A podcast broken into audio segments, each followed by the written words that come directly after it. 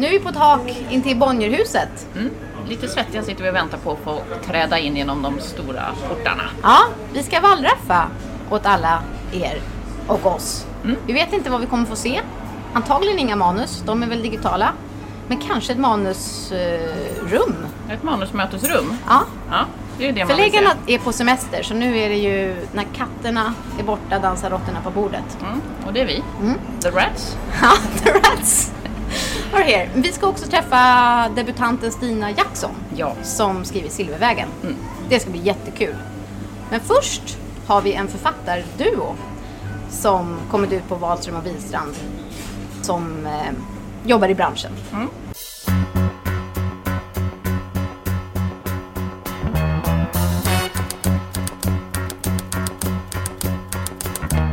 Det är jag som är Nina De är.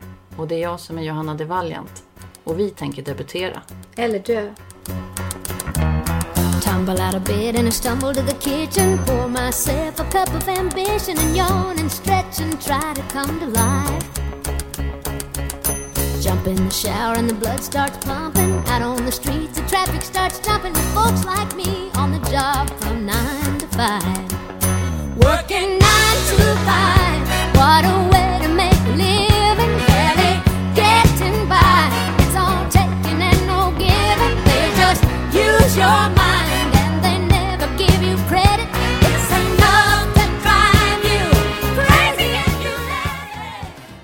Ja, då sitter vi här igen i AMK Studios som Martin Soneby lånar ut till oss. Mm. Välkomna till Debutera eller dö. En sommarvarm studio. Mm. Och välkomna våra gäster. Henrik Karlsson, Tina Nevala. Tack. En författarduo. Ja, precis. För sådana som oss heter ju er romandebut. Mm. Hur är sådana som oss? Bara rakt på så här. Ja, för den utspelar sig ju i eh, förlagsvärlden. Det finns kanske lite förutfattade meningar om att det är skuggsökande, introverta, kanske bittra människor ibland. Säkert helt sant. För sådana som oss, ja det är ju det är en replik som eh, en av huvudpersonerna använder när, när de har flytt undan flocken. Så det, det är väl en referens till eh, människor som kanske inte känner sig helt bekväma i samtiden. Men det är väl lite litteraturnördar Ja, precis. också. Eh, det kanske är att man ställer sig lite grann utanför som en betraktare eller så. Det är ju en relationsroman med all den typ av problematik som finns i en relation och det vi skriver om och sådär. Men ni är ju Exakt. också ett par. Mm. Ja. Ja. Var det krig då? Eller Nej. smärtfritt? ja, relativt smärtfritt, får man väl ändå säga. Det är väl klart att man ibland inte har samma syn på saker. Men i grunden hade vi väl en väldigt så här, samsyn om vad vi ville göra och hur, vad vi ville att det skulle bli. Och oftast var vi ganska överens om vad som inte funkade i ett kapitel eller sådär. Eh, så det, det har inte varit så dramatiskt på det sättet. Nej. Man kanske ska tillägga också att vi har ju, så länge vi har känt varandra, så har vi jobbat ihop. Och vi har ju jobbat i förlagsvärlden och jobbat mycket med texter och så. Så att vi har från början en, vad ska man säga, en Professionell. professionell syn på att skriva.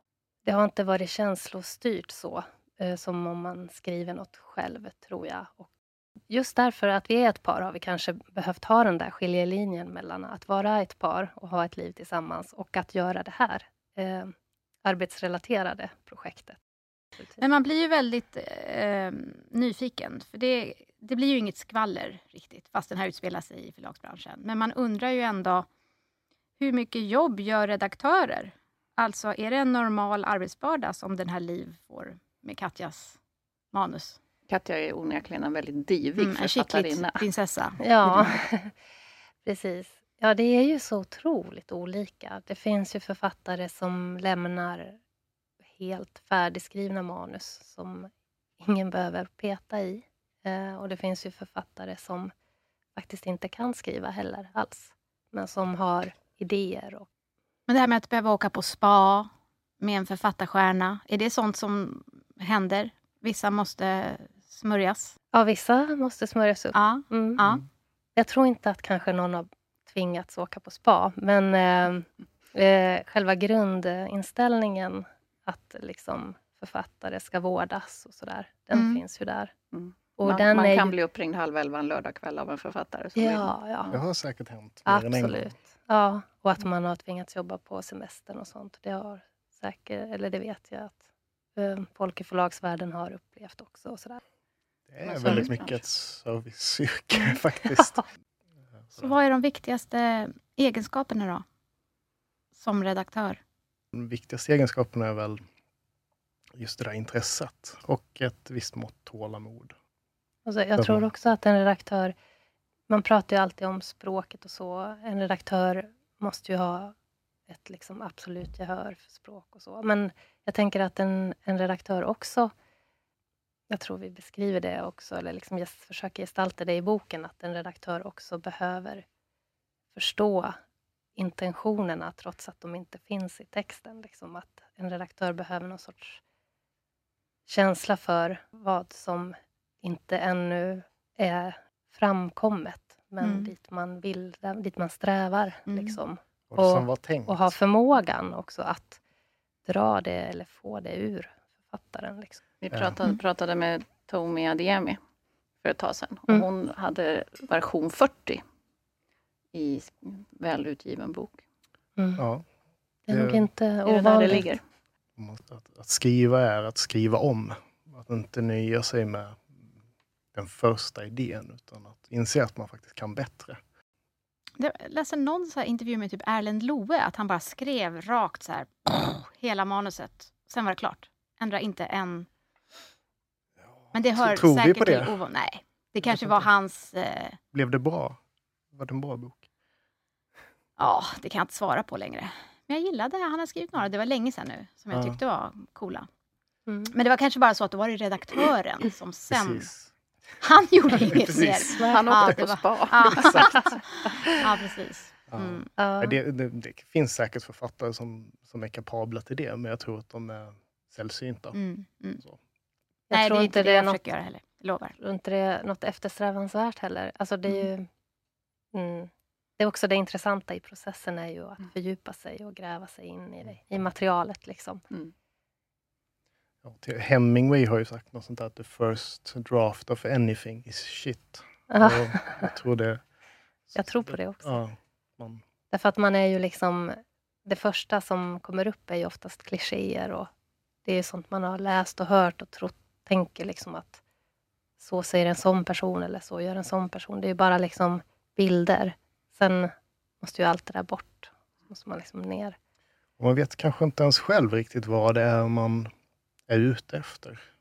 Så hur ska man vara sann mot sig själv om man försöker debutera och ändå måste ju på något sätt lyckas passa i något slags säljbart format? Vi har ju inte debuterat, det är ganska Nej. obvious. Det är en bra fråga. Men jag tror väl att man ska börja ungefär där vi började. Att vad vill man själv läsa? För jag känner exakt så, att jag försöker skriva det jag vill läsa. Mm. Men eftersom det inte finns att läsa och jag måste skriva det, får jag ändå inte njuta av det sen, utan det blir ju bara ett helvete ändå. Mm. Alltså jag kan tycka det är lite bitterljuva. Ja, det blir det är som du säger. Men, men eh, det kan ju ändå vara värt att liksom... Det är, ja, det är ju liksom, det är ett helvete, men det är ju ändå ett helvete man befinner sig i frivilligt. Eh, Väldigt konstigt, men Ja. det är så. Mm. Mm. Och när man har genomgått det här helvetet, något man verkligen inte vill läsa, det är ju det som hela den här boken centrerar sig runt. Den här recensionen. mm. Den är ganska magstark. Min lust att debutera avtar. Det är litteraturkritiken Jens då, Mm. som är ju den andra huvudpersonen. Den som är som tuff. slaktar Katja Simonsson, den här kittligt Mm. författaren. Det blir ju kulturdebatt kring Det den. blir det. Mm. Ja. Precis. Eh, han använder den här recensionen lite för att komma åt en kollega. Men Mm. Katja får ju vinsten. Syns man så finns man. Och, eh, Mm. Precis. Nästa bok glider ju bara igenom som ett bananskal tack vare all luft hon har fått. Ja, precis. Precis. Det var väl snarare Jens som fick, fick igen.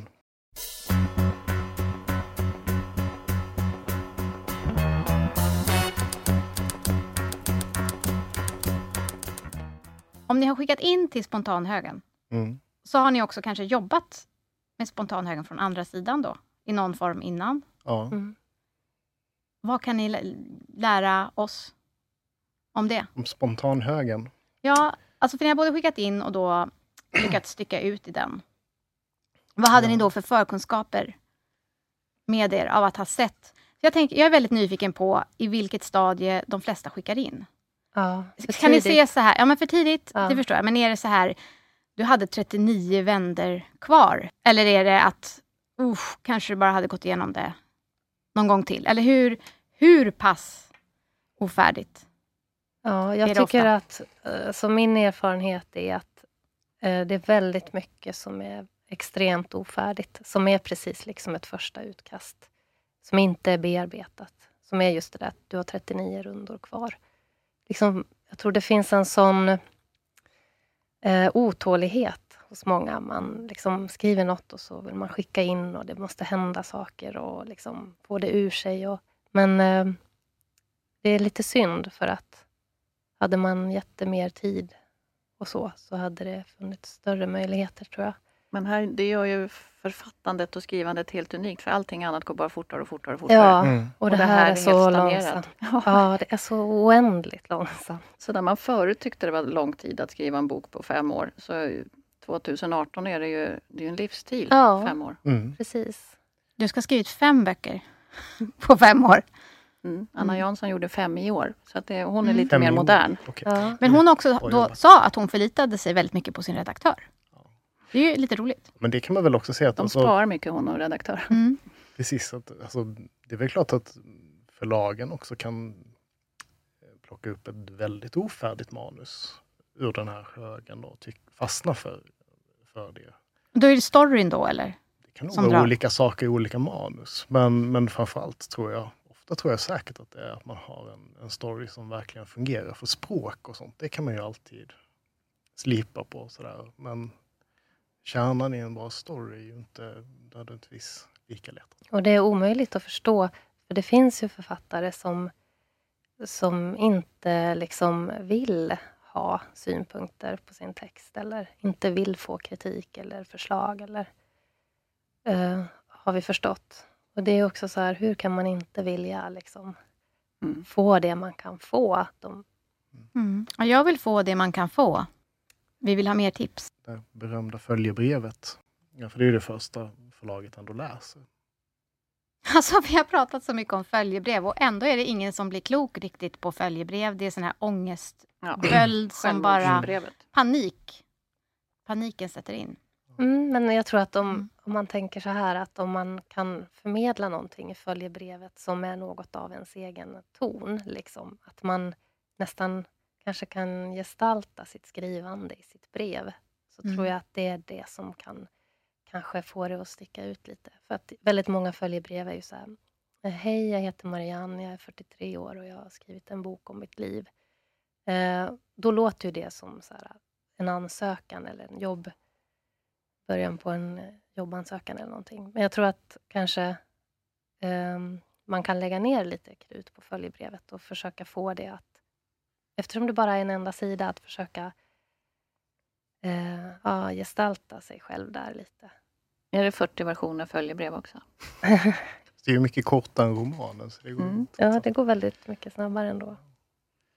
Nej, jag tror inte vi la ner så mycket krut så på det, men vi, vi kanske ändå skrev något i den ton som vi sen har i romanen. Ja, det ska ju fånga ett intresse. Det är väl det enda man behöver tänka på. Att liksom, att följebrevet kan ju vara, ska, ska ju inte vara så långt, men det enda man vill uppnå med det är ju att de börjar känna att "Ja, men det här manuset måste jag ta med mig hem ikväll och läsa. Mm. Ja, men det är som Tinder på det sättet. Alltså. Att man ska ju ha en snygg liksom, första... Slå in den direkt Så att man på anblick. så Man, ja, precis. Det kan ju bli lite ångest kring det. Ja, men Ja. det är den lilla ångesten om du jämför med det som följer. Ja. Alla de sidor som följer sen. Men det är ju så himla många som skickar in så det, man måste ju tänka på den stackars redaktören som ska läsa alla de här breven och alla de här manusen. Mm. Och, Så kort och eh, ton. ja. Mm. Mm. Intresseväckande. Mm. Får jag fråga en sak till då? När ni har suttit på den här äh, insidan och det kommer ett manus. Tittar ni på om de har skickat in något tidigare till förlag? Finns det liksom en databas där ni kan slå på? Jaha, den här Marianne. Är det här en omarbetning? Är det här version 37? Eller är det första? kanske Och det är lite koll. olika på olika förlag. Men Men hur många manus har ni haft liksom liggande så här, ja nu har eh, Marianne skickat in igen, nu ska vi se. Jag försöker bara förstå här hur det verkligen fungerar för att kunna hantera mina förväntningar. Och sen om man får responsen också eh, så är det ju inte säkert. Alltså jag menar när vi blev uppringda av förlaget och liksom, de var så positiva och sådär. Sen då trodde vi, vi så här, ja men nu är det klart. det var, tog ju jättemånga månader innan vi fick något kontrakt. Liksom. Vi fick ju ändå jobba om massor. Och, alltså det är ju inte heller färdigt när ett förlag visar intresse. Liksom. Du swipar höger och jag swipar rätt tillbaka Ingenting är som förut Du är värsta Tinderellan Jag swipar höger för du är så jävla vacker Ingenting är som förut Vi kan hänga hela natten Följ med mig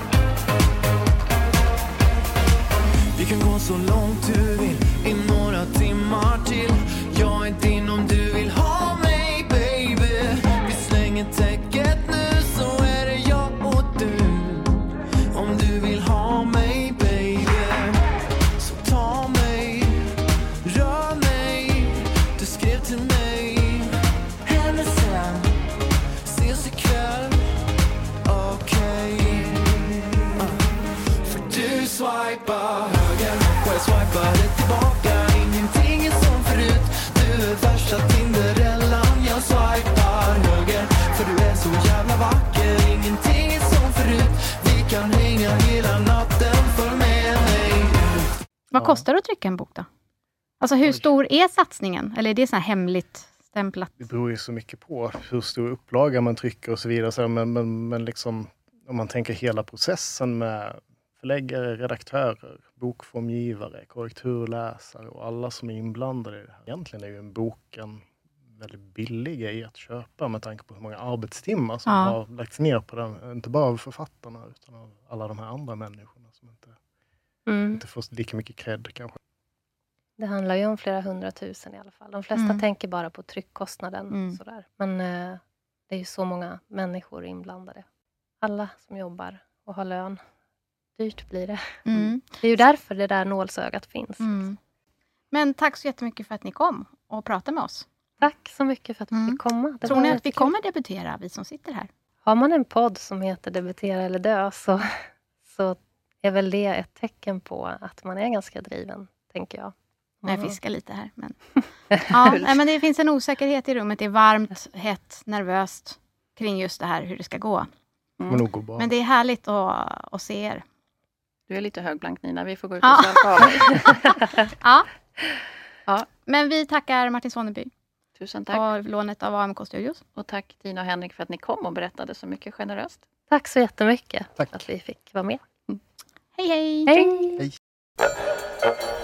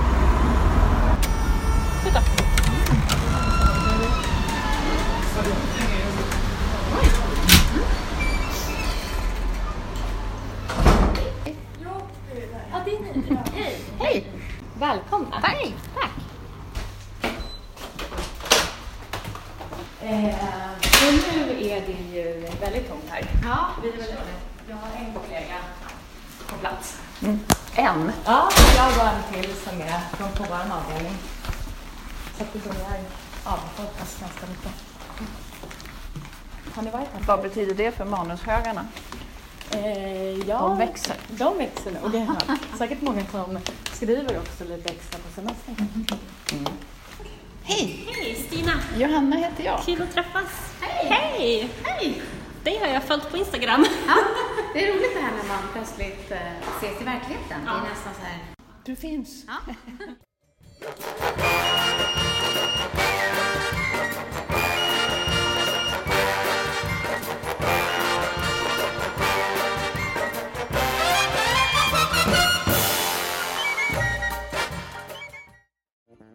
Stina Jackson. Yes! Fan vad fränt att ha dig här. Ja, men vad kul att få vara här.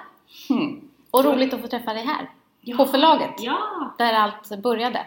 verkligen. Grattis till en fantastisk debut. Tack! Vi är båda väldigt tagna. Kul. Har du eh, förstått håset som råder här i Sverige kring din Nej, bok? faktiskt inte. Jag var ju hemma eh, just vid releasen. Och då, då kändes det som att det blev verklighet. För du bor ju i Denver. Ja, Mm. Nyss hitflygen. ja jetlaggad så. Tre timmars sömn Tre jobbar timmars vi med här. sömn. Ja, men vi är jättetacksamma. Ja, men det ska nog gå. Ja, Men välkommen till Sverige, där Silvervägen syns på varje plansch, i varje bokaffär och i varje skyltfönster. Ja, det känns så kul. Jag ska faktiskt åka hela Silvervägen i sommar. du får berätta om Silvervägen lite mer Ja. för de som inte har läst boken. Varför kallas den så? Ah, det är för att det var, de eh, färdade, de fraktade silver, samerna fraktade silver från kusten upp till fjällen. Nasa silverfjäll. Så att den vägen kom att kallas Silvervägen. En ödslig väg, En Mm. ganska ödslig väg. där, Men vacker. lätt, där det är lätt att bli bortrövad Ja, Mm. i alla fall. och spårlöst försvunnen. Ja. Mm. Där Lelle kör. Spenderar de ljusa sommarnätterna. Ja, det är ju väldigt gripande. Ja. Jag, jag förstod att du hade fått idén från en liknande väg i USA. ja, eller i Kanada.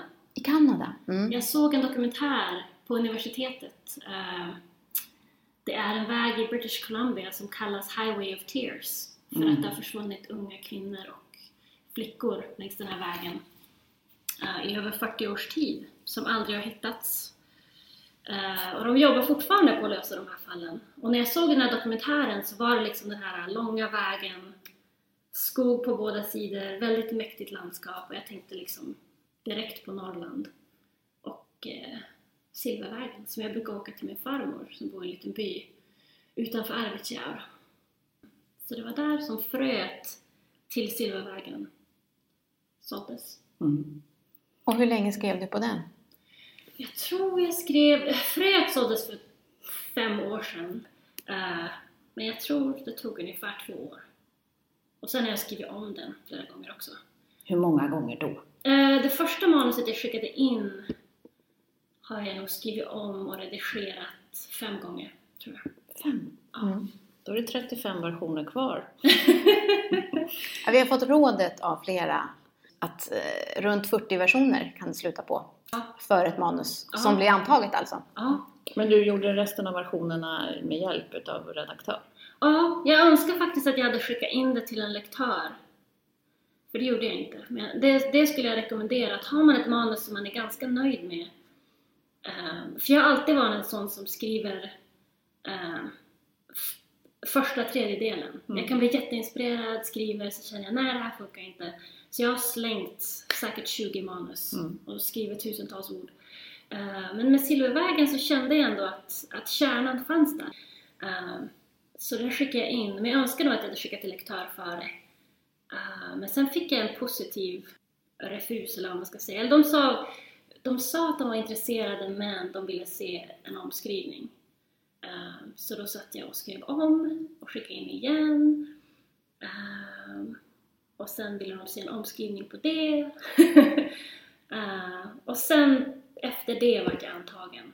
Men sen var det ju redigering och då fortsatte ju liksom arbetet. Mm. Så att mitt allra första manus tog nog två år och sen ytterligare åtta, nio månader att skriva om och redigera och peta och knopa. Mm. Vad tror du det var som fick dig att fortsätta just på Silvervägen om man jämför med de 20 som du har slängt? Uh, Silvervägen, alltså det, det kändes som att det skimrade till, jag vet inte. Det kändes som att scenerna med Lelle var verkligen äkta och hjärtskärande även för mig själv. Och när jag satt och läste om vad jag hade skrivit så var det liksom, men oj, är det här, har jag skrivit det här? Det var första gången som jag verkligen kände att, men har jag skrivit det här? Eh, jag, var liksom, jag lyckades imponera mig själv, Mm. vilket är väldigt svårt. Du har ju gestaltat en väldigt ensam, sörjande person som helt har gett sitt liv åt en uppgift. Verkligen. Har du någon förebild? Nej, alltså det, det, han, han var liksom magisk. För jag visste att jag ville skriva om, om tiden efter försvinnandet eh, och någon som lider av försvinnandet. Men Lelle kom till mig bara liksom helt av sig själv och han skrev sig nästan av sig själv också. Mm. Det låter lite löjligt men, men det var verkligen så. Fast det är väl då det är rätt, Ja, när de skriver sig själva. ja jag tror det. Och jag kände, jag hade jättesvårt att, att, att ge upp Lelle och jag ville inte lämna Lelle. Och det var nog första gången jag verkligen har känt att men det här manuset, det vill jag inte lämna, det här vill jag få klart. Eh, så jag tror det är då man är på rätt väg. Mm.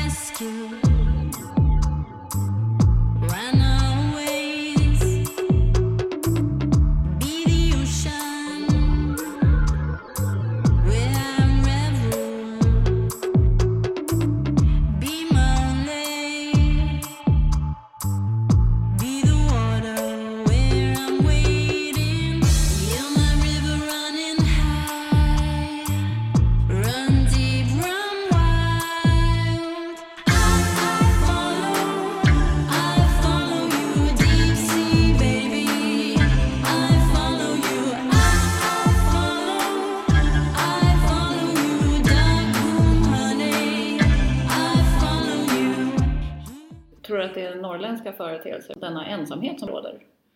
Eh, jag tror definitivt det finns ensamhet. Men, eh, ja. Men tror du att ensamheten är större i Norrland än, än Stockholm? Jag tror det är olika typer av ensamhet. Mm. Jag tror i Stockholm kan man ju, och i städer som i Denver där jag bor, där kan man ju vara ensam i en grupp. Ja. Och man är ju anonym. Mm. Eh, I Norrland tror jag man måste faktiskt söka, man måste isolera sig lite mer för att eh, gemenskapen är ändå större. Det är, det är lite svårare att... De flesta håller ändå koll på varandra. Mm. I Stockholm kan man ju vara helt anonym. Ja, Man kan bo i en bostadsrättsförening på 700 personer och ingen vet vad man heter. nej precis. I Norrland så vet många att, ja men som Torbjörn i boken, alla Mm. vet ju liksom Mm. att han är byns skampojke och, och sådär. Och att många är väldigt förvånade att han hittar en kvinna till slut. Mm. Ehm, så jag tror i Norrland måste man nog isolera sig lite mer självmedvetet än i städerna.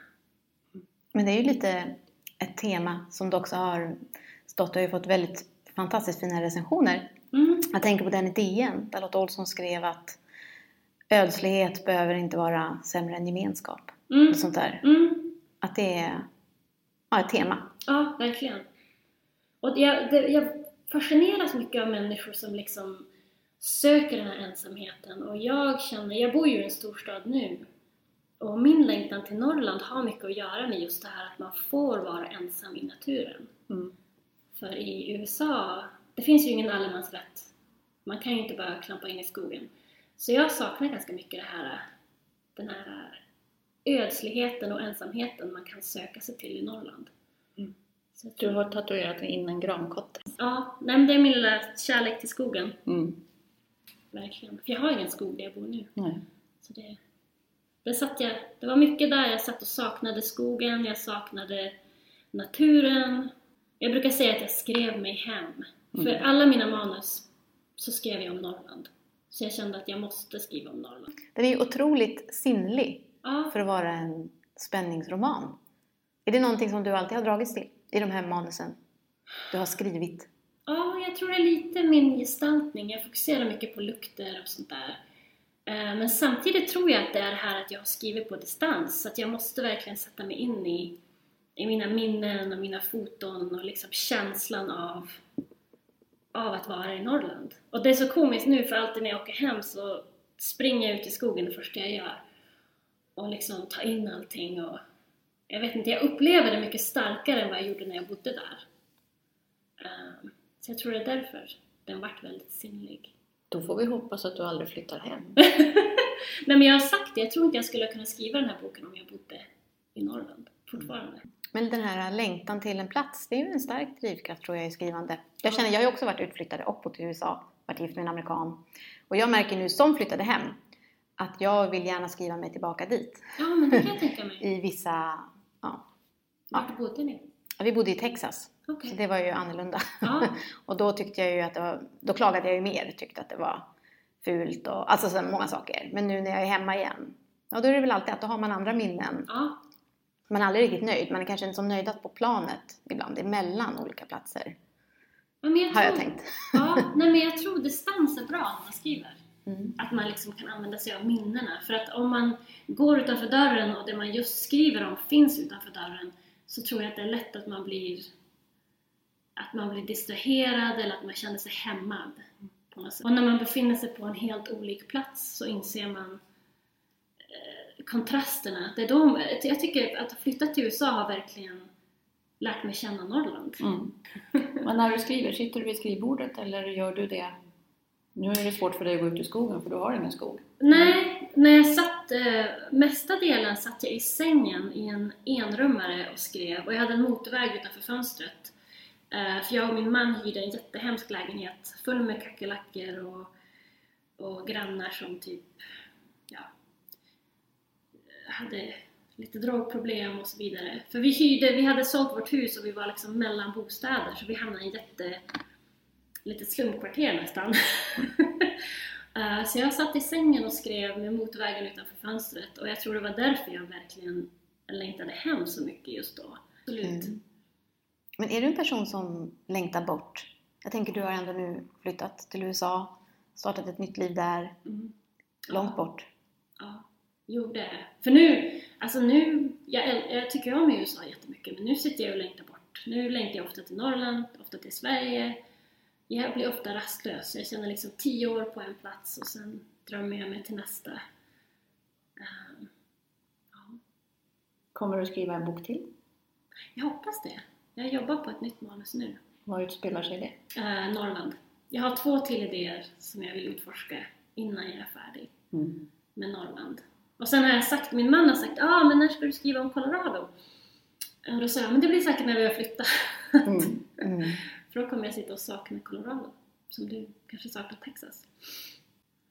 Var spänning eh, något självklart för dig? Nej, faktiskt inte. Alltså jag visste ju, jag har ju alltid lite såna här kriminella element, spänningselement. För jag är ju, vi älskar ju true crime. Men eh, jag var nog mer åt romanhållet tror jag. Eh, men nu brukar jag säga att jag försöker skriva litterär spänning. Eh, som de kallar det i i USA, literary suspense. För jag gillar ju att, att, att försöka ha ett vackert språk och, och måla upp världar och sådär. Och jag tycker inte jag är sådär jättebra på, på eh, snåriga intriger och, och jag tror aldrig jag skulle kunna skriva en traditionell deckare med polisutredning och polisarbete, det känns jättefrämmande och inte sådär jätteintressant just. Det är inte så, jag läser inte så mycket rena deckare.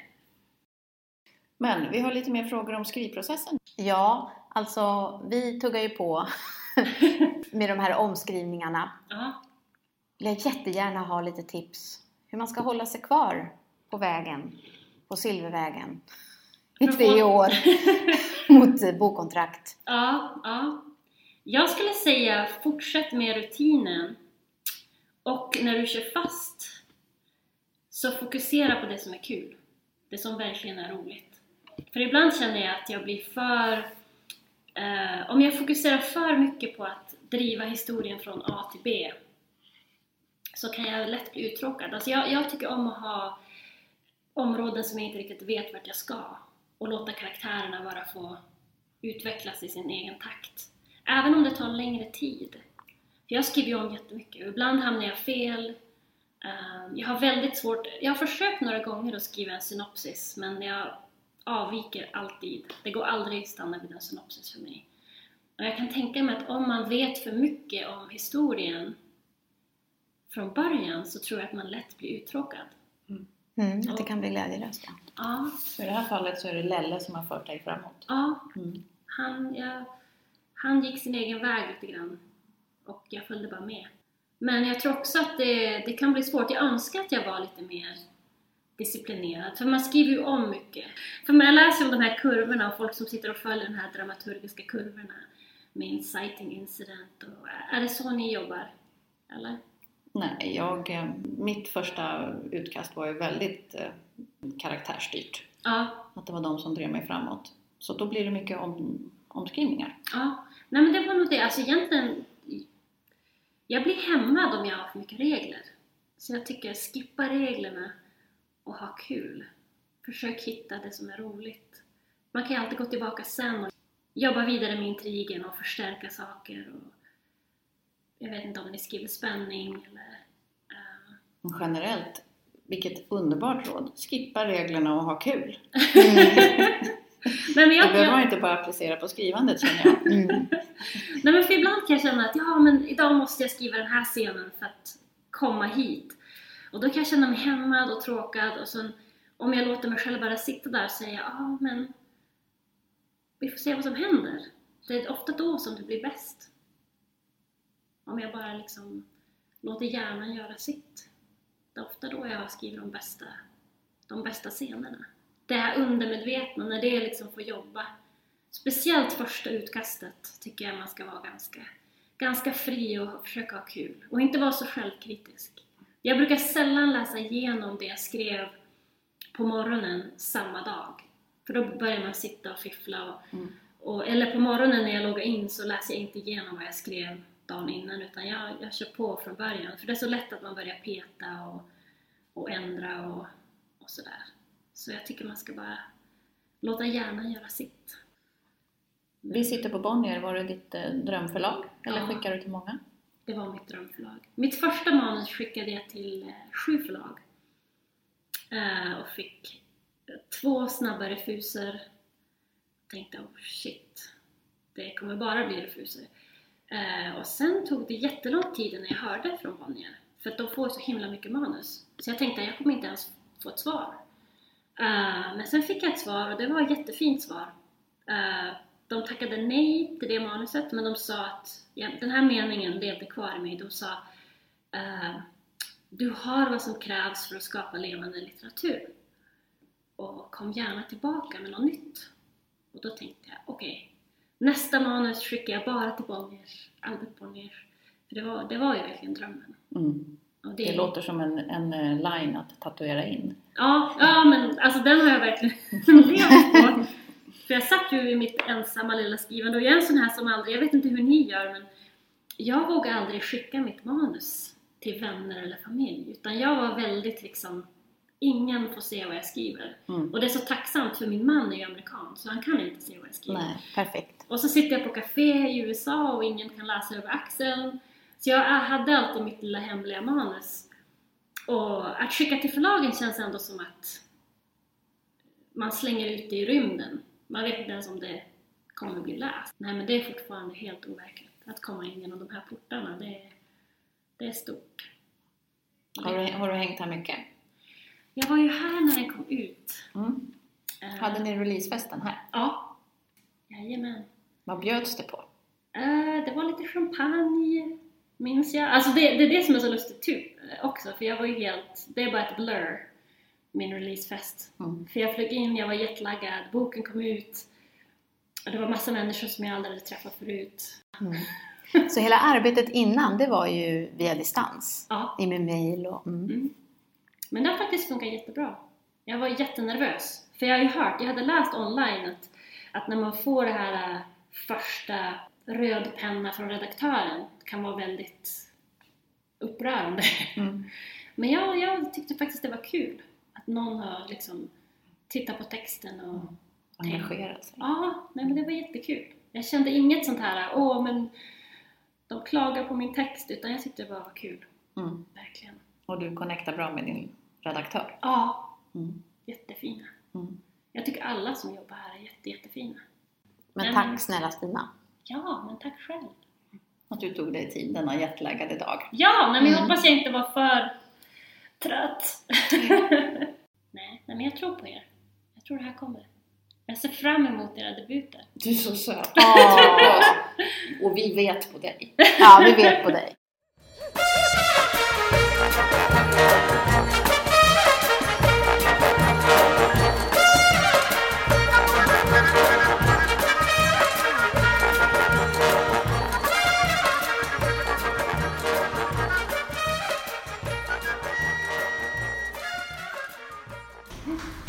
oss. Ja.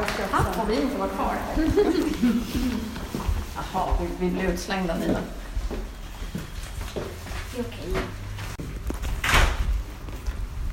Tusen tack. Ja, tack själva. Glad sommar. Glad sommar. Hejdå. Det